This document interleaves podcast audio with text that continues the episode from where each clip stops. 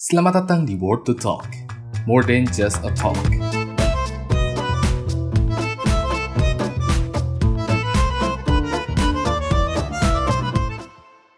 Gimana? Boleh, boleh. Boleh kan? Kayak beda sih sama yang kemarin tapi ya boleh Iya. lah. Biar variasi aja, nggak apa-apa. Mid Kalau denger mid itu itu aja kan bosen ntar pendengarnya. Ya, betul sekali. Oke, Oke, selamat datang di episode kedua ke di Word to Talk kali ini. Gila, keren banget. Uh, episode Eh, kedua. Maksud gue, gue juga masih nggak percaya kita masih di, apa bisa ada kesempatan di episode kedua nih. Gue kira episode satu udah, eh, nyata bisa Eh, berlanjut ya. Dan amin. apalagi buat pendengar yang Terima kasih. dari episode pertama terus ke episode kedua itu sebuah apresiasi sih Anugerah. sebenarnya buat kita juga. Makasih Oke. banget. Makasih banget, coy. Makasih juga buat yang kritik ya. Terima kasih. Mantap. Oke, eh, mungkin kemarin kan nanyanya ini ya, nanya kabar ya. Sekarang gue pengen nanya temuan mingguan. Lu minggu ini Oke. ngapain aja yuk? Sumpah, minggu ini gua gak ngapa-ngapain. Kayak cuma ngerjain tugas. Rutinitas kayak biasa anjir. Kayak ngerjain tugas. Apalagi yang kemarin tuh kan. Lo tau Hmm. sendiri tuh. Gue ngulang, gue ngulang banyak kan matkul di semester ini. Kayak eh, baskom gitu-gitu. Kemarin tuh tugasnya dalam satu hari dikumpulin sekali tiga apa nggak salah. Ah, anjir lah. Iya. Sulit banget coy. Parah. Habis itu lagi NBA final kan. Gue Oh, makin iya. makin gak makin gak konsen gue anjir. Kelas malah gue tinggal. Padahal seminggu lagi UTS ya. Iya, bodoh tapi. Ya gue gak tahu apa-apa anjir semester ini sumpah dah. Selalu, selalu ujian online. Bisa Yoi. ini, bisa copas. Mendongkrak, mendongkrak. Mendongkrak. Si ini semester giveaway. Yoi, semester giveaway. Online adalah semester giveaway anjir. Yoi. Itu sih kalau gue sambil nonton-nonton video-video biasa doang. Tapi ya nggak terlalu ada yang menarik. Gue baru mulai How I Met Your Mother sih. Oh iya, ya How I Met Your Mother. Gue gue cuma Ah. tahu doang sih, tapi gue nggak tahu isinya secara keseluruhan apa. Iya, tapi untuk awal-awal episode gue cukup itulah. Episodenya cukup engaging. Gue jadi pengen penasaran terus pengen ngejalanin semua episodenya. Kalau lu gimana minggu Iya. ini? Apa yang lu temuin? Ya kalau untuk gue seminggu ini, jadi minggu pertama gue di kembali di tempat rantauan gue di Semarang. Eh, jadi sangat iri. ya sebenarnya rada-rada pilihan sulit sih karena gue ke Semarang tuh ada tanggung jawab juga kan. Jadi eh gue nggak bisa memilih untuk stay di Bekasi juga. Ya walaupun emang secara ini ini salah satu egois gue pilihan egois gue untuk untuk langsung ke Semarang karena ini pure untuk gue sih sebenarnya. Antara karena tugas kan tugas tuh sebenarnya buat gue juga. Itu yang tugas, yang kedua itu karena gue ada tanggung jawab kerjaan di sini. Jadi ya mau nggak mau gue harus ke Semarang. Dan lagi pula kalau misalnya gue di Bekasi juga gue nggak menghasilkan apa-apa gitu. Ya udah ah, mendingan gue ke Semarang aja. Atau juga penghasilan gue dan yang masuk dan yang keluar ya sama aja gitu. Kan gue di rumah nggak bisa lah gue ngerjain kerjaan sampai jam 1 tuh gue nggak bisa karena pasti dimarahin sama ortu gue ortu kan pasti gue peduli sama gue lah. Gitu sih. Ya pilihan beratnya itu malah kayak stereotip anak rantau sih sebenarnya yuk. Kayak lu kalau misalkan terlalu lama di rumah terus ketika lu mau pergi lagi itu bakal berat banget untuk ninggalin. Iya, ya gue gue gitu. gue juga ngerasain itu sih. Tapi sebenarnya ya Tan ya, awal-awal tuh gue gak ngerasain itu samsek sih. Karena mungkin ke rumah kan cuma bentar doang. ya Nah terus buat buat yang kali ini kan anjir gue Lama enam bulan di kan. rumah coy. Heeh. Iya lama banget kan. Ya emang beda kalau misalkan makanya tuh gue kalau misalkan di sekarang masa kuliah kalau gue pulang ya gue pengennya ya maksimal dua bulan lah sebulan dua bulan karena gue nggak mau memberatkan hati gue juga untuk meninggalkan ibu gue di rumah ya for your information aja emang kalau ibu gue di rumah kan rata-rata sendiri ya. maksudnya lebih sering sendiri. Walaupun di sebenarnya di rumah gue tuh ada kakak gue sama kakak ipar gue juga istrinya. Ya tapi itu bukan berarti ibu gue bisa berin apa ya bisa hidup gitu loh. Maksudnya tetap ibu gue tuh pengen ada gue di rumah. Ya walaupun uh, di situ ada kakak gue gitu. Tapi ibu gue tetap gue pengen di rumah. Karena ini sih uh, pandangan gue ya. Ini hipotesis gue aja dan husnuzonnya gue aja. Kenapa ibu gue pengen begitu? Soalnya uh, gue itu uh, gede di zaman gue harus mengerawat ibu gue sama bapak gue juga. Jadi udah di masa-masa ibaratnya injury time lah. Kalau misalkan itu. Jadi gue yang ngerawat mereka terus gue yang lebih sering ngajak mereka ngobrol waktu makan dan lain-lain. Gue nganterin sana sini itu kan gue. Jadi uh, ibu gue tuh secara apa namanya feelingnya relate ke gue bukan ke kakak gue. Itu karena gue anak terakhir.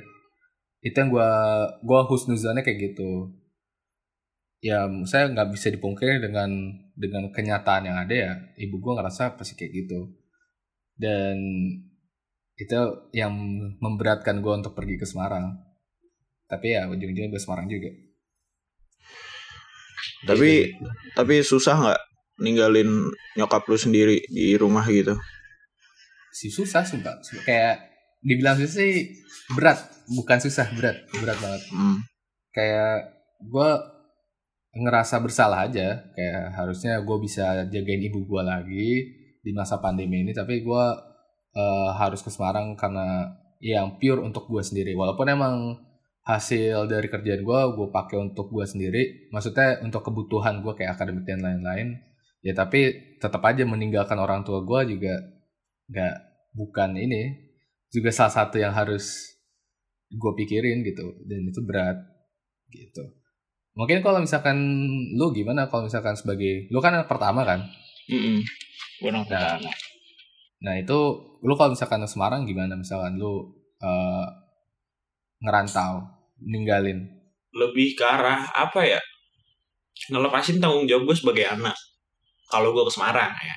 Soalnya kan kalau di rumah tuh kayak tanggung jawab gue bukan sebagai uh, pelajar doang gitu. Tanggung jawab hmm. gue juga kayak yang ngeliatin adik gue ngejagain nyokap gue sama bokap gue nyari duit gitu misalnya kayak kalau misalnya gue ke Semarang ya tanggung jawab gue cuma satu cuma belajar doang. Lebih dari hmm. itu kayak ngerasa apa ya kadang-kadang gue ngerasa dosa sendiri sih kalau misalnya gue pergi ke Semarang.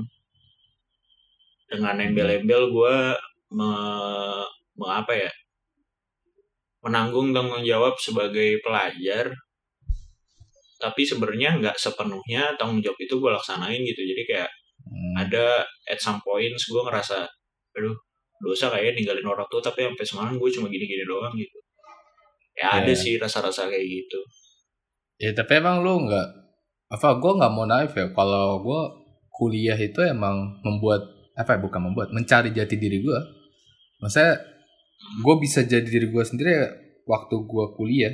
Gue tahu nih oh nih gue diri gue nih kayak gini. Gue mau ngapain? Ya itu karena gue karena kalau misalkan track record gue selama bocah ya dari SD hmm. dari hmm. masalah beli aja maksudnya beli hmm. apa pun itu misalkan entah itu mainan atau HP dan lain-lain itu gue pasti di guide nggak mungkin gue itu pilihan sendiri hmm, itu pasti gue di guide dan sih. ketika kuliah gue baru bisa memutuskan tuh oh ini gue mau gue mau ini pokoknya gue tahu ini sebenarnya bukan yang terbaik tapi gue hmm. mau ini ya itu biasanya yang waktu zaman bocah tuh gue malah kehalang karena hal itu. Iya sih.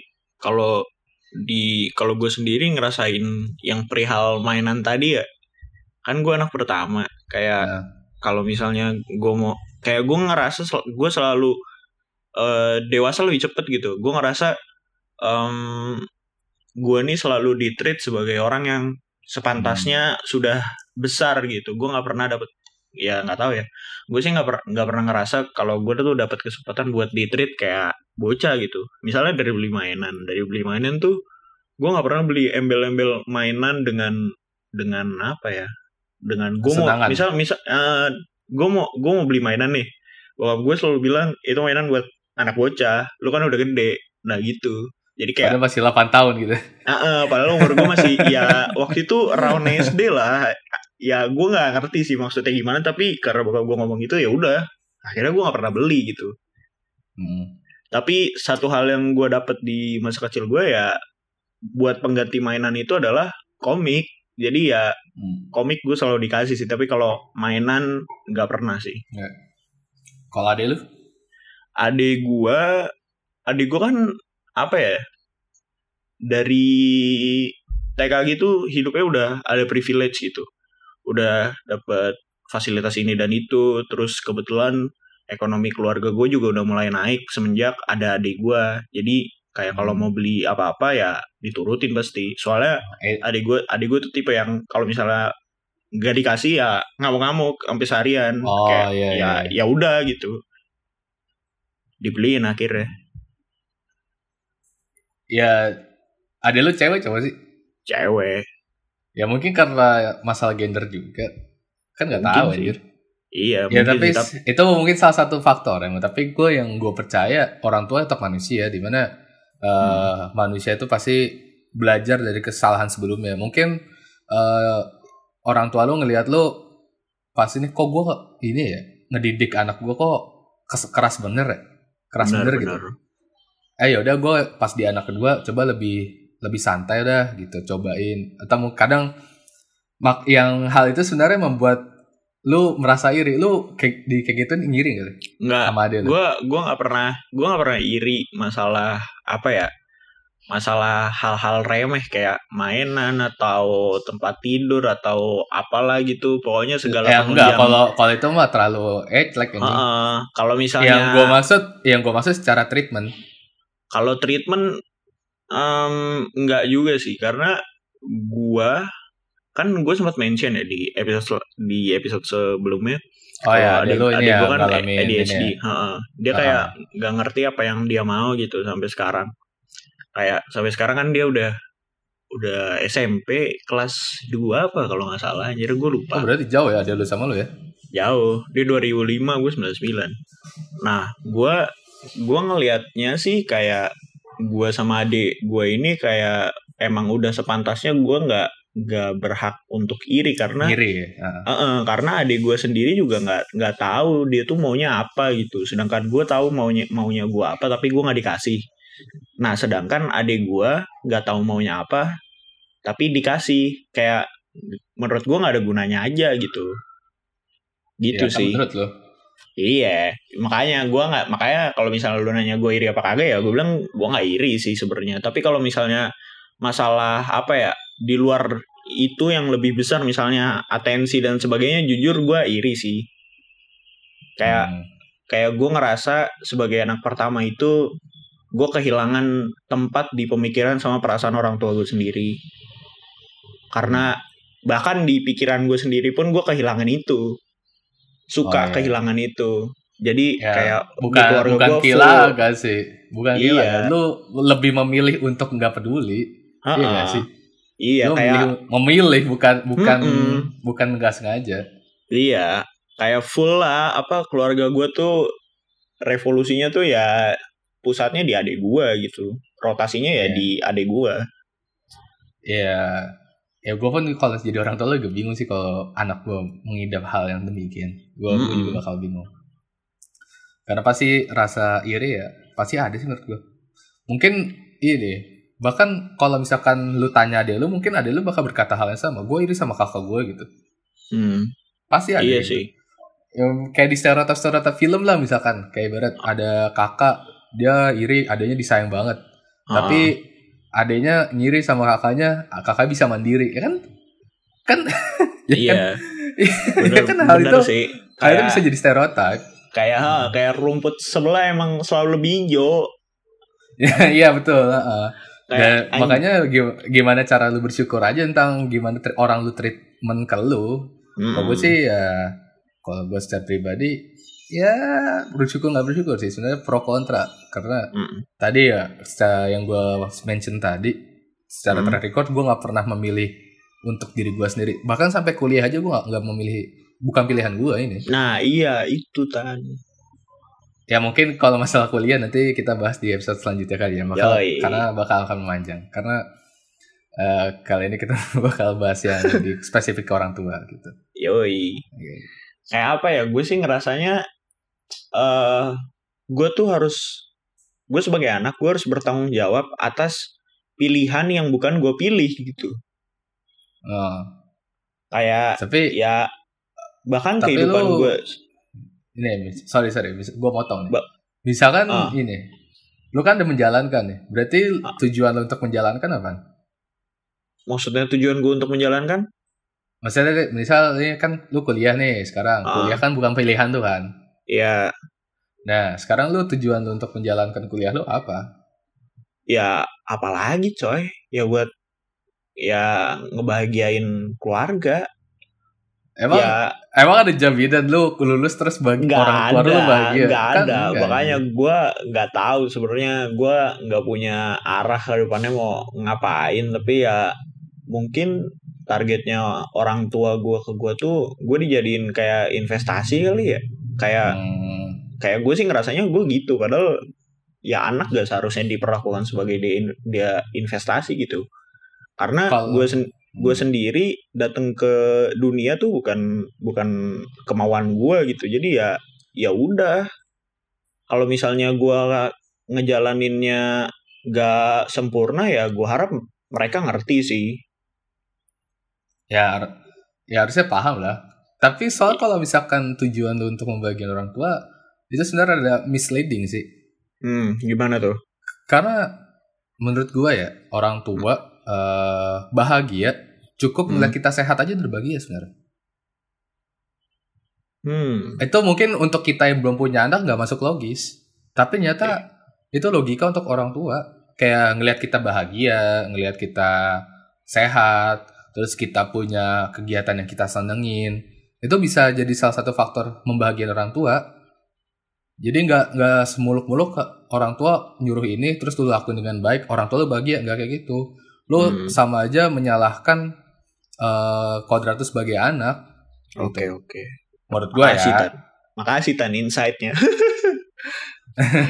Soalnya nggak tahu sih kalau misalnya gua kayak kalau di gua kalau misalnya gue sekedar cuma kayak senang-senang buat diri gua sendiri gitu tuh kayak justru mereka kayak berbalik arah gitu loh kayak kayak gue jadi bingung sendiri maunya mereka tuh sebenarnya gua harus kayak gimana gitu ada satu ada satu hal Hmm. yang bikin gue bingung kayak misal gua ini nih gua gua kan nggak terlalu pinter ya gua bisa dibilang bodoh lah Nggak bukan Kan lu kita. tahu.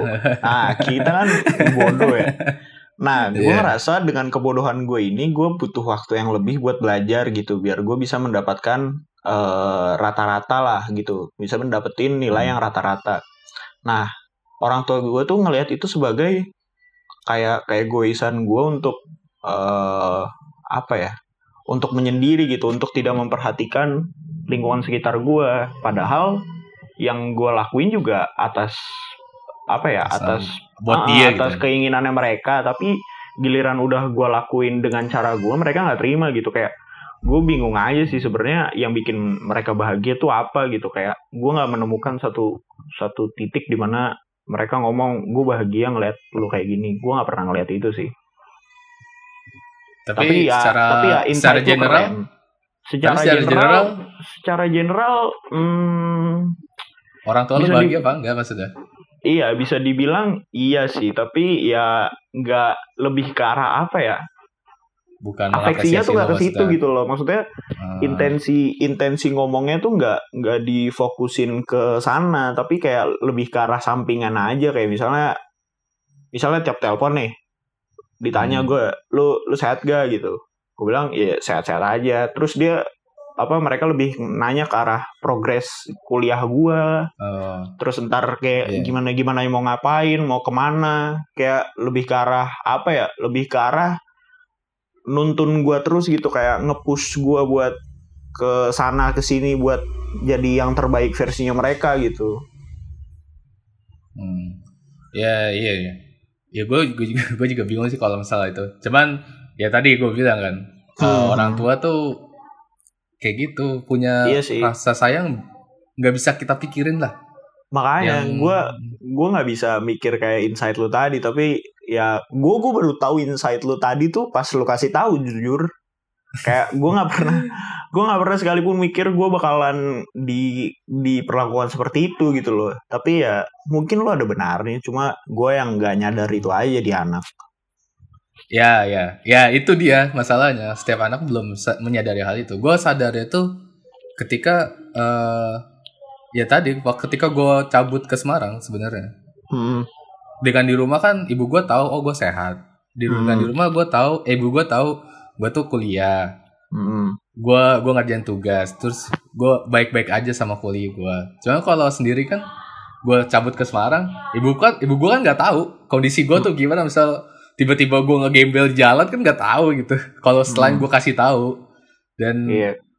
dan itu yang gue sadar oh ibu gue tuh sebenarnya eh bahagia sebenarnya ngeliat ngeliat gue bahagia apa ngeliat gue bahagia gue ngeliat gue eh punya kerjaan dan lain sebenarnya bahagia cuman nggak menunjukkan secara langsung ke gue aja Hmm. gitu Oke. itu oke, juga oke. masalahnya nggak setiap orang juga nggak setiap orang ya gue menggeneralisir orang tua juga masih orang nggak Hmm. setiap orang bisa menunjukkan rasa bahagianya ke orang lain Nah itu maksudnya di di kalau di lu tuh kayak misalnya mereka khawatir nih atau bahagia kan lu terhadap pencapaian lo atau lain hal gitu misalnya. Mereka bakal Hmm. nyembunyiin itu nggak ke lu atau gimana? Kayaknya bakal iya sih. Tapi gue kemarin ini sih, gue ngomong, gue kalau di rumah tuh selalu ngomong ke ibu gue. Oh Target iya. gue ke lima tahun ke depan tuh gimana. Jadi ibu gue tuh nggak, gue ngerasa gue bilangnya ibu gue jangan khawatir lah. Nih bu, Hmm. aku aku lima tahun ke depan bakal begini begini begini. Tolong didoain Hmm. aja, jangan khawatir. Aku baik baik aja kok. Hmm. gitu. Masa masalah finansial juga tenang aja nanti insya Allah aku yang cari sendiri. Pokoknya gue tuh mengeluarkan kalimat-kalimat yang selalu aja lah eh, membuat buat membuat ibu gue juga tenang, gue juga tenang. Hmm. Dan kalau misalkan pendengar bilang, oh tan lu kan masih anak, mungkin eh, orang tua lu juga masih pengen membiayain lu pendidikan gitu. Ya Hmm. iya kalau misalkan ibu gue punya ibu ibu gue punya kewajiban itu, makanya gue mengusahakan sendiri. Cuma gue bilang ke ibu gue, eh, kalau gue perlu bantuan ya tolong eh, tolong gitu Hmm. bukan berarti ini untuk mandiri mandirian gue ya gue doang cuman gue tetap butuh bantuan kalau masalah finansial kayak gitu Oke, keren sih, keren, keren. Gue berharap hal-hal yang kayak gitu ada sih. ya ya lu coba aja mungkin lu ngomong gitu eh, lima tahun ke depan lu ngapain misalkan eh, umur 25 misal gue mau nikah nah, itu Hmm, hal-hal kayak gitu yang jarang diomongin sama orang tua iya, bener sih. Kayak misal gue kelar kuliah gue mau S2 nah itu jarang. Ha, ha. Kayak dan jujur, gue rasa orang ya gimana? Sorry sorry. Ya kalau gue jujur ya nggak pernah ngomongin apa-apa sih. Jadi gue bener-bener completely gue nggak tahu bokap nyokap gue tuh Hmm. maunya gue kayak mau gue kayak gimana. Gue apa mereka juga nggak ngerti gue tuh ke depannya mau ngapain gitu. Kayak gue nggak nggak dapet nggak dapet yang kayak lu lakuin gitu sih. Kayak gue nggak masih nggak punya keberanian buat ngebuka diri gue ke mereka gitu. Bahkan apa ya kayak hal-hal kecil kayak gue gue suka nulis misalnya mereka nggak tahu akan hal itu gitu. Ya ya tetap kalau masalah kayak gitu ya masalah passion lu. Hmm. Eh, ibu gue juga pertama nggak percaya sama gue kalau gue punya passion di bidang media. Hmm. tapi gue buktiin dengan gue bisa berpenghasilan. Dan akhirnya gue buktiin dengan gue beli kamera ke dia ini bu ini pakai uang aku sendiri ini gue beli kamera gue beli hp pakai uang sendiri ini Hmm. bisa ngasihin uang ya jadinya ibu gue juga percaya maksud gue kalau misalkan lu bilang kayak bu atau orang tua pak Hmm. bu gue demen nulis nih tapi lu nggak punya Hmm. karya itu sama aja bohong anjir iya dan kalau misalkan kita bahas hobi dan passion tuh bakal lebih panjang lagi dan itu hal yang sangat-sangat berbeda. oke oke kayak iya sih maksudnya apa ya gue juga nggak pernah nunjukin tulisan-tulisan gue ke mereka karena isinya pun ya di factory mereka gitu jadi ya buat gue nunjukin itu kayaknya gue masih nggak berani sih tapi Ya lu mungkin su- suatu saat sih. Misal lu Iya. lu menargetkan oh, gue umur 24 eh, ini dah gue masuk ke penerbit gitu. Gue coba masukin ke Hmm. penerbit nanti kalau dia mau lu cari sampai bisa. Ya, dan terus nanti nih bu nih tu- buku tulisannya isinya gua doa gua semua gitu. hmm, Itu Ya, lu harus mungkin- ada pembuktian kayak gitu. iya sih kayak banyak banyak orang yang bilang ke gue juga ya kalau misalnya lu sesuatu lu harus buktiin itu kayak Heeh. ya oke oke gue cuma Ya kayak enggak. oke oke Bahkan tapi ke orang tua. It- itu ke orang tua maksudnya ke orang biasa aja lu harus melakukan pembuktian hmm bener sih gitu tapi kayak apa ya gue bener-bener mengapresiasi hubungan lu sama nyokap sih kayak keren Ya. aja gitu ya itu mungkin karena faktor ini ya karena bokap gue juga udah nggak ada. Terus gue juga dari SMA yang gue tinggal bertiga doang di rumah tuh. Jadi waktu bapak gue masih ada gue di rumah cuma bertiga. Hmm. gue nganterin terus nemenin dia ke mana-mana. Terus Mm-mm. gue makan bareng mereka bertiga doang.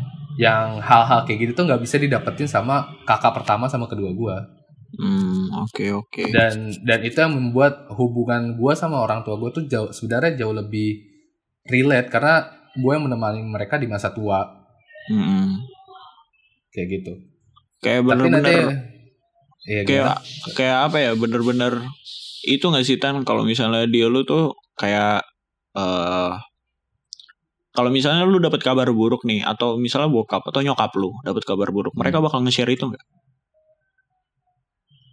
kalau ibu gue baru nge-share waktu bokap gue udah gak ada itu baru oh iya kalau waktu SMA pernah sebenarnya jadi Mm. eh, waktu itu bo- perusahaan bokap gue ini bangkrut ya Ah. cuman ibu gue cuman ngomong gitu dek eh, jadi gue masih dipanggil dek kalau misalkan Ah. kalian mau tahu dek eh, kerjaan bapak lagi kritis Mm-mm. eh, makanya tolong doain eh, semangatin semuanya. Dan hal itu tuh ceritanya ke gue bukan ke kakak gue sama abang gue Hmm, lu oke, lu bayangin oke. lu ngomong kayak ini perusahaan bapak lu Hmm. bangkrut.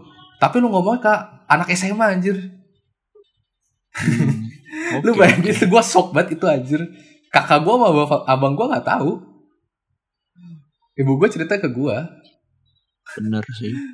Ya ya itu makanya gue bisa berasumsi karena gue yang menjagain mereka di masa tua ya Hmm. mereka lebih relate ke gue daripada ke kakak sama abang gue Hmm. ya mungkin makanya eh, kalau gue nanya-nanya sama teman-teman gue yang anak pertama ah ya itu merasa orang tua itu nggak nggak apa ya bahasanya kasar banget kalau misalnya nggak peduli cuman kurang Hmm. peduli sama anak pertama ya mungkin Hmm. karena itu salah satunya bener sih kalau kalau di gue lebih ke arah apa ya? Benar-benar nyembunyiin itu semua. Karena di di keluarga gue kita punya masalah yang kelihatan gitu yaitu adik gue jadi kayak dari kita masing-masing sendiri kayak benar-benar apa ya? Benar-benar nutupin rapat-rapat masalah kita masing-masing gitu. Ya meskipun apa ya bokap gue kan sering pergi. Akhirnya nyokap gue yang yang apa ya ke, ya nggak. Nyokap gue yang kebanyakan cerita ke gue. Tapi dari gue sendiri tuh kayak nggak ada timbal balik kayak gitu. Gue nggak pernah cerita ke nyokap gue sih. Karena karena gue tahu dia orangnya tuh pikiran gitu. Dan menurut gue ya cukup lah apa nyokap gue mikirin adik gue gitu. Jangan sampai dia mikirin masalah gue juga. Makanya sampai saat ini tuh apa ya gue rasa gue nggak dengan gue nggak pernah ngasih tahu kebobrokan gue itu tuh sama itu tuh akibat dari apa yang gue lihat dari bokap gue gitu. Bokap gue juga orangnya nggak pernah nggak pernah apa ya nggak pernah nggak pernah ngejembrengin masalah gitu di depan meja meja makan keluarga. Kayak ya udah yang dia bawa tuh pasti selalu kabar baik semua dan apa ya gue pikir mungkin itu eh, emang satu-satunya jalan yang baik gitu.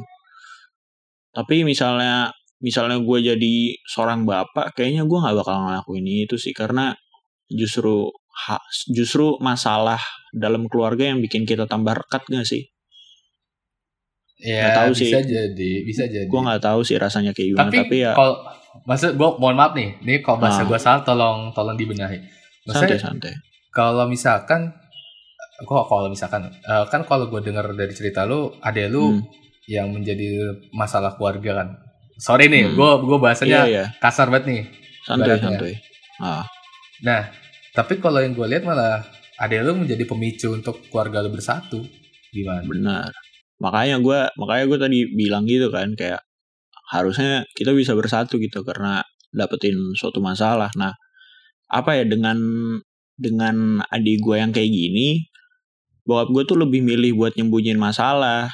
Kayak menurut gue itu harusnya nggak nggak perlu dilakuin gitu kak. Karena uh, justru dengan adik gue sebagai pemicunya dan kita juga punya jadi punya masalah sendiri-sendiri menurut gue itu tetap harus dibawa sih. Hmm. kayak kayak justru hal itu tuh malah jadi apa ya alasan kita tambah deket terus kita mungkin bisa apa ya sharing insight satu sama lain gitu. Nah masalahnya kayak bokap gue nggak memilih jalan itu gitu. Bokap gue malah lebih memilih ya pokoknya kita fokus gitu ke masalah adik gue gitu. Kayak nggak nggak kayak mengesampingkan semua masalah lainnya gitu. Bahkan masalah diri dia sendiri. Mungkin baru meledak meledak tuh pas ya pas ada insiden-insiden doang gitu. Kayak hmm. baru baru kita baru gue sekeluarga tahu oh ternyata bokap gue punya masalah ini. Oh nyokap gue punya masalah ini gitu. Kalau kalau lagi meledak meledak doang. Tapi kalau misalnya hmm. kayak sehari-hari se biasa apa ya gitu. uh, uh, pasca meledak ya biasa aja gitu. Balik lagi kayak nggak ada masalah lagi. Kayak maksud gue maksud gue ya ya udahlah gitu gue gue sadar nih adik gue tuh pemicu pemicu kita buat merekatkan keluarga kita gitu tapi kenapa yang gue bingung kenapa bokap gue malah nyoba nyembunyin hal itu semua gitu dan nyokap gue juga melakukan hal serupa karena nyokap gue tuh lebih ke arah follower sih sebenarnya dia kayak nggak punya hmm. nggak hmm. punya apa ya pendirian kayak pendirian tapi ya nggak pendirian juga tapi ya mungkin pendirian gitu tapi ya kan gitu bisa sih. aja bokap lu cerita ke malu nah itu kan? uh maksud gue maksud gue iya kayak nyokap gue malah kayak pivot anjir kayak kayak semua semua masalah tuh ditumpunya ke nyokap gue gitu dan kalau misalnya hmm. gue ngelakuin hal itu juga takutnya nyokap gue malah hancur gitu jadi ya hmm, ya, ya. ya menurut gue ya mungkin ada baiknya gue simpen tapi gue nggak sejujurnya gue nggak tahu juga sih dengan gue menyimpan masalah ini dari keluarga gue itu itu baik apa enggak ya kalau gue kalau gue berpandangan sih nggak semuanya nggak hmm. semua masalah yang lu punya itu bisa diflorin keluarga jujur aja nggak hmm. nggak semuanya kayak apa ya contohnya tuh ya masalah asmara lu lah masa asmara lu bisa dimasak diceritakan iya. Kan tuh nggak nggak kurang kurang etis sebenarnya hmm, bener, bukan kurang etis sih apa ya? kurang tepat sih menurut gua uh, nggak ngeklik sama mereka juga uh, uh, nggak pasti nggak relate Uh, uh. Tapi mungkin beberapa orang tua relate, ya mungkin nggak apa-apa. Iya. Uh, tapi kalau misalnya gue salah kata gitu. Uh, uh. Tapi Cuma kebanyakan gua, orang itu, tua ya. masih konvensional kan. Uh, uh, uh. Ya. Gitu tapi sih. dengan dengan dengan lu keadaan lu sekarang kayak gini, lu bahagia sebagai anak pertama? Eh, uh, general iya. Tapi okay. at some point bukan at some point lagi at match point enggak gitu kayak apa ya gue pengen gue gue aduh anjir gue pengen nangis lagi sialan anjir, yeah, anjir. oh silakan silakan uh, gue sih ngerasanya ya kayak uh, at some point gue gue menyesal gitu kalau gue dilahirkan. Tapi di satu sisi lain tuh gue nggak boleh nyesel juga gitu. Karena gue nggak nggak bisa bilang hidup gue nggak berarti.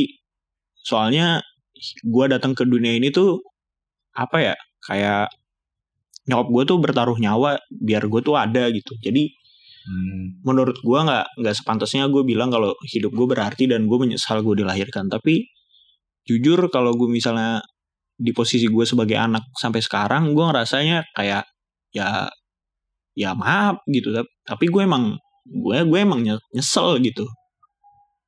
Kayak gue emang ngerasa nyesel tapi buat secara general ya gue berusaha buat nutupin itu. Jadi kayak general gue biasa aja gitu. Kayak bersyukur enggak nyesel juga enggak. Kayak kalau misalnya general gue look at the bright side terus gitu. Kayak ngeliat sisi positifnya aja kayak misal kalau gue ngeliat ngeliat orang yang apa ya ngeliat orang yang dapat masalah terus dia cerita ke gue kayak uh, kayak apa ya kayak menurut gua gua malah apa ya lebih lebih siap karena gua ngerasa masalah yang gua tanganin tuh le lebih gede gitu bukannya gue egois ya tapi hmm. maksudnya uh, gue lebih ngerasa siap buat denger masalah besar karena jujur gue udah di dikasih itu gitu sebagai anak pertama Hmm, iya. kayak gitu sih Iya, iya sih. Tapi itu ini, itu benar maksudnya lu lu juga harus harus tahu kalau privilege sebagai anak pertama ya kayak gitu. Mm-mm. Dan gue pun sebenarnya sebagai anak terakhir, gue juga ngiri sama kakak gue sama abang gue dengan privilege mereka masing-masing. Dan mungkin mereka juga ke gue dengan privilege gue sebagai anak terakhir. iya Kayak jujur aja gue sebenarnya untuk kayak tadi tuh gue ninggalin Semarang. Mm-mm. ya itu menurut gua apa ya kok harus gua banget gitu lu yang di rumah ngapain gitu Hmm. maksud gua lu kan di rumah dekat sama ibu gua kok malah lu pengen buat gua ke Bekasi lagi lebih sering ke Bekasi kan lu ada lu ngapain? Mm. gitu yang sebeban ke gua dan apa ya? Itu itu yang gua iri sama kakak abang gua sih jadinya. Kayak Mm. ya udah pergi bodo amat. Soalnya ada gua. Dan gua pergi nggak bisa sebebas itu jadi dikhawatirin ha. Itu itu salah satunya yang gua gua iri. Soalnya masih banyak cuman eh, untuk sekarang gua nggak mau mengeluarkan dulu karena gua takut salah kata gitu. itu yang gua pikir Oke. untuk dari ini kalau di gue sih apa ya nggak tahu ya tan. Soalnya eh pengalaman tiap anak kan beda. Jadi gue nggak bisa nggak generalisasi nggak nggak apa ya nggak generalisasi kalau anak pertama tuh anak yang paling susah. Anak kedua tuh nggak pernah dilihat orang tua. Anak ketiga tuh paling nggak disayang. Ternyata gue gue baru tahu nih cerita dari lu kan. Kayak anak ternyata lu anak anak ketiga dan lu mendapatkan apa ya menurut gue sih permasalahan yang nggak nggak nggak selamanya bakal didap- dapat lu dapat nggak bakal didapetin sama anak ketiga yang lain gitu. Kalau gue sebagai anak pertama ya biasalah gue gue ngalah ke adek gue, gue disalahin karena gue ngelakuin ini, terus gue dibandingin sama orang lain, terus kayak dijadiin panutan juga di- buat adek gue kayak hal-hal kayak gitu kan hal-hal biasa ya. Maksudnya semua anak semua anak pertama gue rasa mungkin ngalamin hal itu. Nah dengan cerita lu yang barusan lu ceritain ini, gue mau nanya sih kayak Apaan? lu lu pernah di diperlakukan dengan hal serupa nggak? Kayak lu ditekenin harus ngalah sama bokap bokap eh bokap bokap lu. Kayak lu harus ngalah Abang sama abang-abang lu terus lu disalahin karena lu ngelakuin sesuatu dibandingin terus dijadiin panutan juga di satu sisi. Lu pernah nggak ngerasain kayak gitu? Ya kalau ini ya kalau ngalah ya nggak pernah sih gua. Jadi gua harus kalah sama kakak gua juga karena abang gua gitu. Pokoknya hmm. pernah lah kayak gitu. Kalau misalkan bandingin sih gue gue lebih tertarik sama yang bandingin. Kalau bandingin lu kan tadi ngerasa lu harus dijadiin panutan kan? Iya. Dan itu yang gue rasain. Oh iya. Jadi gue harus harus ngikutin abang gue sama kakak gue jadi ibarat di- mungkin keluarga gue keluarga eksak orangnya. Tapi Hmm. gue kan tidak. Iya. Gue kan enggak. Dan itu kayak jadi harus gitu aja jadi pokoknya dia lu harus masuk teknik. Hmm. misalkan. Padahal gue pengen yang lain. Itu Kayak itu ada- yang jadi panutan gue sih. Masa Hmm. eh yang di yang terjadi di gue masalah Patokan. panutan.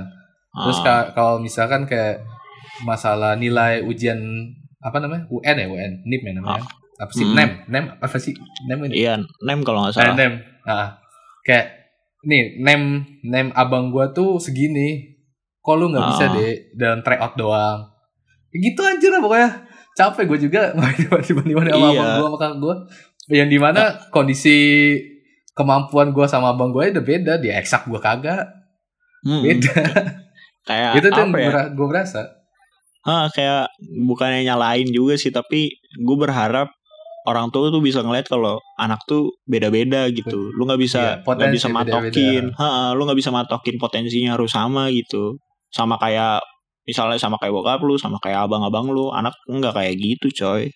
Kayak gue berharap mereka ngeliat itu sih.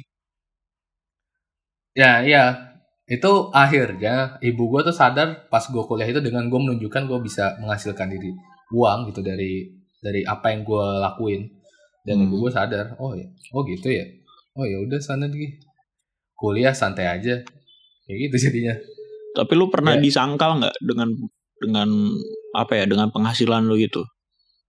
kalau kalau udah gue nunjukin penghasilan gue ibu gue udah aman tapi waktu gue pengen banget ke kuliah di kafe misalkan Heeh. nah i- orang tua gue nyangkal parah Oh. sampai om om gue juga jadi gue waktu itu biasa kalau misalkan lebaran kan ini ya kalau warga Iya, kumpul, muslim kan kumpul. kumpul kan dan gue ngomong Ah. di situ ditanya kan biasa kalau lebaran tuh mau kuliah Hmm. mana gue Mm. gue jawab mau kuliah di kafe terus biasa lah ibu gue langsung nyel eh orang tua gue langsung nyentuh atau abang gue kakak gue ya Hmm. jangan lah pasti ditanya lu mau jadi apa kalau kuliah di kafe nah itu kan penyangkalan yang sangat nyakitin Iya, buat si- gue ah, ah.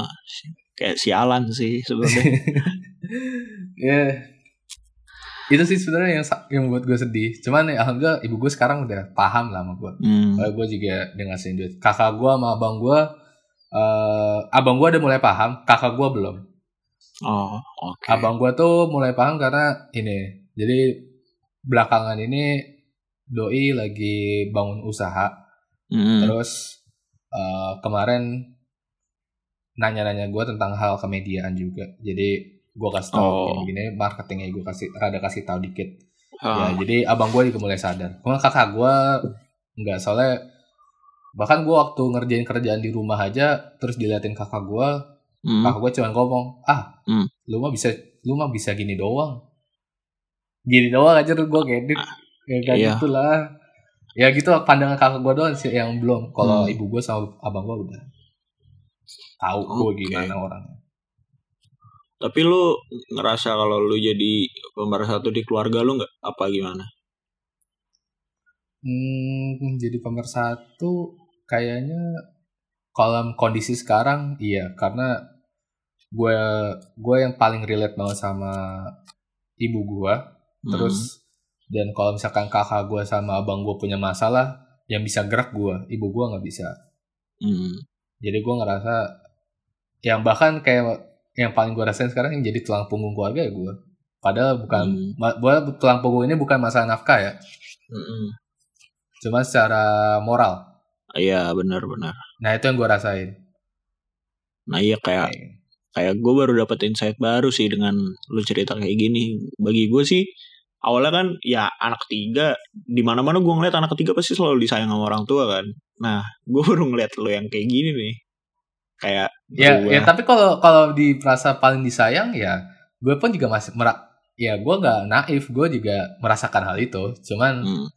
nggak terlalu gue up karena oh ya udah emang wajar aja menurutku sih Hmm. karena kalau misalkan orang anak paling disayang ya menurut gue emang secara kodratnya pasti anak ketiga paling disayang Hmm. tapi pas ketika udah mencapai umur 18 tahun plus menurut gue nih menurut gue Hmm. eh, itu orang tua bakal lebih sayang ke anak yang sebenarnya dia pengen Oh. Misal, misal ada orang tua nih, orang tua dia misalkan Islamis banget nih misal, religius banget. Ah. Religius banget, jangan Islamis gue terlalu subjektif. Religius Ah. banget. Terus anaknya ada empat misalkan. Nah, Hmm. ternyata anak kan secara logika harusnya anak keempat kan paling disayang kan. Hmm. Tapi menurut gue kan secara kalau misalnya udah 18 tahun ke atas, di mana kita semua udah mandiri, pasti eh, orang tua itu jauh lebih sayang ke anak yang lebih religius. Oke. itu karena tetap aja orang tua tetap manusia coy Hmm, hmm. dan hal itu pasti terjadi Kayak apa ya? Gue pernah nulis, gue pernah nulis ini sih. Mungkin mungkin permasalahan kita sekarang nih sebagai anak-anak, mereka tuh nggak dapetin itu pas mereka anak-anak. Jadi kayak masalah mereka pas anak masalah orang tua pas mereka jadi anak-anak itu itu yang berusaha mereka apa ya mereka atasin gitu kayak mereka oh iya ya ah misalnya misalnya orang tua gue nih pas dulu kecil Hmm. mereka hidup dalam kondisi yang kondisi ekonomi Susah. atau finansial yang susah. Nah mereka berusaha gi- gimana caranya biar nggak kayak gitu. Akhirnya sekarang mereka berhasil nih. Nah terus mereka berusaha gimana caranya biar gua nggak hidup susah gitu kayak ya kayak gitu sih kurang lebih. Kayak mereka cuma mengatasi masalah yang mereka dapet. Ya namanya juga orang gitu. Misalnya gue jadi orang tua masalah gue kayak gini nih. Masalah gue ya- pas jadi anak nih kayak gini. Ya gue berusaha eh gimana caranya biar anak gue nggak dapetin masalah yang sama kayak yang gue alamin pas gue jadi anak-anak. Hmm. dengan dengan misalnya gue dengan gue mengatasi hal itu gue nggak pernah tahu masalah lain apa yang bakal timbul gitu loh ya ya ya boro-boro anak tua kakak aja kayak gitu. Nah iya kayak ya ya gitu sih sebenarnya. Kayak misalnya gue mengatasi suatu masalah pasti ada lagi yang baru gitu.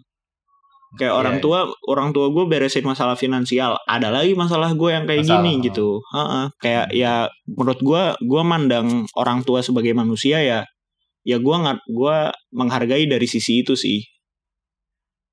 Udah berusaha ya iya maksudnya ya gue gue sangat berterima kasih mereka mereka bisa fulfill kebutuhan finansial gue di, di segala sisi sih ya emang gini sih ujungnya kita harus sadar orang tua juga Hmm. manusia Mm-mm.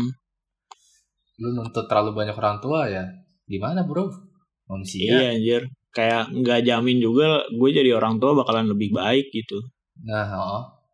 ya Makanya- mungkin lu lu ngomong kayak sekarang oh ntar gue kalau orang tua mau bawa sekarang anak gue sekarang Iya. lu ngomong gini Ntar lu punya anak kicap lu nggak tahu kan? Mak- makanya kan tiap anak butuhnya beda-beda coy. Kayak ya buat pendengar ya, gue tadi sempet marah-marahin orang tua tapi di apa ya itu lebih ke arah apa ya keluh kesah gue selama gue menjadi anak gitu. Tapi di luar daripada ini ya gue fine fine aja gitu sama mereka. Kayak Hmm. ya gue bertingkah sebagai anak pada umumnya gitu. Kayak Iya. sebenarnya sebenarnya masalah-masalah yang tadi tuh masalah gue pribadi. Kayak ya nggak tahu ya menurut menurut orang-orang mungkin nggak perlu di up jadi ya gue juga nggak nge up itu. Jadi ya gue ceritain aja di sini. Santai. Kan emang kita tujuan untuk sambat yoi. Ini, ini podcast sambat coy. Jangan ya. anjir jangan berekspektasi apa apa sumpah dah. Tapi dengan keadaan yang sekarang lu sayang sama mereka nggak? Sayang lah. Sayang sayang sayang banget.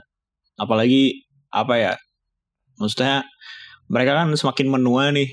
Kayak Mm-mm. aduh mereka ternyata udah mulai nggak bisa ini itu nih. Kayak ya udahlah gitu. Gua gua meng- akhirnya mengesampingkan lagi hal-hal yang gue mau tapi iya buat buat mereka dan gua fine fine aja sih dengan hal itu. Mungkin sama yang kayak lu bilang tadi ya kalau misalnya gua ngelihat bonyok gua seneng ya gue ikutan seneng sih. Nyantuy ya ya. kalau Kalau sama lu- kalau Sama adik kalau sama adik gue nggak tahu sih. Sejujurnya gue nggak tahu plan ke depannya dia bakal kayak gimana karena apa ya kayak dengan kondisi yang sekarang ah, dalam sih. kondisi yang kalau dalam kondisi yang sekarang tuh adik gue kan udah SMP nih tan tapi kayak Heeh. nalar nalar dia buat buat melakukan sesuatu tuh kayak belum ada gitu kayak kayak gue bisa menghukum dia sekarang tapi dua menit gue lepas dia udah dia udah lupa gitu Melakukan alasan lagi. alasan kenapa enggak dia dia udah lupa alasan kenapa dia dihukum gitu iya iya. Kayak itu sih yang Enggak. yang gue lihat dari adik gue tuh ya kayak gitu. Kayak jadi kayak nalarnya masih masih belum jalan dengan di umur yang sekarang ini. Tapi lu tidak menjawab pertanyaan gue anjing. Apa cok? Lu sayang gak sama dia lu? Aduh bingung gue anjing. Mikir lagi gue sama adik gue sebenarnya nggak nggak tahu sih. Sebenarnya eh sayang ya sayang gitu. Tapi ada banyak sisi di mana gue nggak nggak sayang gitu jadi gimana ya gue mau munafik sih sebenarnya Iya, Kayak, iya. ya gue sayang Oh. tapi sayang sayang sebagai kewajiban gitu jujur ya. Sa- sayang gue tuh Iya. sayang sebagai kewajiban ya maksudnya lu tahu dia keluarga lu darah daging lu Ha, darah daging Iya. gue sendiri dan gue harus ya gue nggak punya pilihan buat nggak sayang dia gitu Mm. tapi Ya, ya gue Iya, gue masih terus mencari sih terus mencari celah di mana gue bisa menyayangi dia nih celah ini apa Pak. nih anjir? Suatu saat pasti gak apa-apa suatu saat. yoi. Amin amin. Semoga saat itu tidak terlalu lama coy. Ya ya ya tergantung lah. Waktu Iya itu sih. datang selalu dengan rasa itu selalu datang dengan di waktu yang tepat. Yoi. Dan waktu tiap orang juga beda-beda anjir. Nggak ada nggak ada zonasi waktu dah. Nggak ada waktu yang berlaku Iya. buat semua orang dah anjir. Kesel banget gue waktu pasti beda-beda dah buat setiap orang anjir ya ini sih mungkin kalau pesan buat pendengar uh, orang tua tuh mau nggak mau mau nggak mau sama eh pokoknya keluarga deh bukan orang tua keluarga Hmm. mau nggak mau ya harus lu sayang Iya, bukan pilihan sih. iya bukan pilihan pasti harus lu sayang masa rasa sayang ini kan luas ya Mm-mm. entah rasa sayangnya itu lebih ke perhatian lu atau apa sih biasanya rasa sayang tuh Cara lebih- cara ngungkapinnya macem-macem. Iya, cara ngungkapinnya macam-macam. Hmm, Jadi- dan gak semua orang bisa nangkep itu. Eh, kayak kayak ini dah. Orang suka ngomong tuh bisa motivator deh kampret nih biasanya. Hmm. Apakah kalian pernah mengotmeng eh berbicara eh bukan pernah ngomongin ke orang tua kalau kalian sayang mereka? Gua nggak pernah sih sejujurnya. Iya, gue juga gak pernah. Nggak pernah. Karena gua melaku gua ngomongnya dengan perlakuan Hmm. kayak gitu. Ya kalau dengar kalimat tuh yang gak usah insecure lah, slow aja. Yoi anjir, kayak ya biasa aja sih kayak ya cara orang nunjukin sayang beda-beda cuy, nggak Hmm. nggak nggak dengan omongan juga bisa langsung pakai action gitu. Yo, Oke, lu ada pesan terakhir nggak? Yuk. Ada, gue mau na gue mau nanya nih ke lu tan, dan mungkin ke pendengar juga. Orang tua tuh bertanggung jawab atas kebahagiaan lu nggak? Eh, Itu Oh, pertanyaan pertama. Pertanyaan kedua, lanjut, Pertanyaan- lanjut. pertanyaan kedua, anak bertanggung jawab nggak dengan kebahagiaan orang tua? Oke. Oke, yang pertama ya. Yoi. Yang pertama. Kalau di masa 18 tahun ke bawah, menurut gue masih wajib, masih masih apa namanya keperluan orang tua untuk membagian anak. Mm-mm. Tapi ketika udah nyampe 18 tahun ke atas, itu udah tanggung jawab mandiri masing-masing. Itu pertama. Mm. Yang kedua, berarti ya. Yang kedua Iya. itu Yoi. tanggung jawab kita untuk bagian orang tua apa enggak. Eh, menurut gue tanpa dengan kalimat gue yang tadi gue mention di awal, menurut gue tetap menjadi kewajiban lo. Cuman mm. kalau misalkan tujuan lo untuk apa ya, itu kewajiban lo, cuman jangan jadi tujuan. Hmm. Nangkep, nangkep. Paham gak lo maksudnya? Ya, paham, paham. Karena beberapa orang pasti ngomong tujuan gue apa ya? Tujuan gue untuk membagian orang tua. Ya itu masih salah. Kalau tujuan lu membagian orang tua, padahal itu kewajiban lu. Tujuan lu bisa lebih sevisioner lagi daripada hal kayak gitu. Di mana membahagian orang tua itu bentuknya sangat banyak yang mungkin tadi dari tadi udah kita muter-muter terus. Mungkin dari tahu kabar lu gimana, cara lu memperhatikan mereka gimana, cara lu apa namanya perlakuan lu gimana kayak gitu kayak apa namanya maksudnya lu bantuin nyuci piring kayak lu bantuin ngepel nah itu kan bisa aja membuat dari orang tua eh, udah bah, apa udah wah banget apa lu udah melakukan hal itu gitu gitu sih mungkin kalau teman-teman bisa sharing ya langsung DM Instagram ke gua aja kali ya di Andevatan atau ke Kalau gue di roda persegi. Anjir, Oke, kayak mungkin- kayak kayak excited gitu yang nge-share-nya. Ya, iya dong. Mungkin itu aja kali yang bisa kita bahas di episode kali. ini. Mungkin kalau secara pepatah bilang, bukan pepatah dong. Ambil yang baik, buang yang tidak gitu. Karena kita juga masih manusia, belum tentu apa yang kita omongin selalu benar. Ya jangan Oke. jangan ngambil semuanya lah. Ini kan cuma media kita buat apa ya, nyalurin nyalurin emosi anjir ya. Nyalurin jadi emosi. ya jadi kalau misalnya ada yang perlu diambil ya diambil gitu, tapi jangan semuanya. Kan gak semuanya Sesuaikan. baik. Ya, sesuaikan dengan kondisi diri kalian masing-masing juga. Nah, gitu. Tapi mungkin kalau misalnya bener sih, kalau misalnya mungkin ada beberapa pendengar yang punya insight yang beda, ya bisa kasih tahu kita sih. Iya. Lewat Gitu. DM kita. Betul. Yoi. Oke, kita pamit undur diri dulu. Gua Andi. Fatan. Ya, gua roda persegi. Dadah. Sampai jumpa di episode selanjutnya. Dadah. Dadah, dadah, dadah, dadah.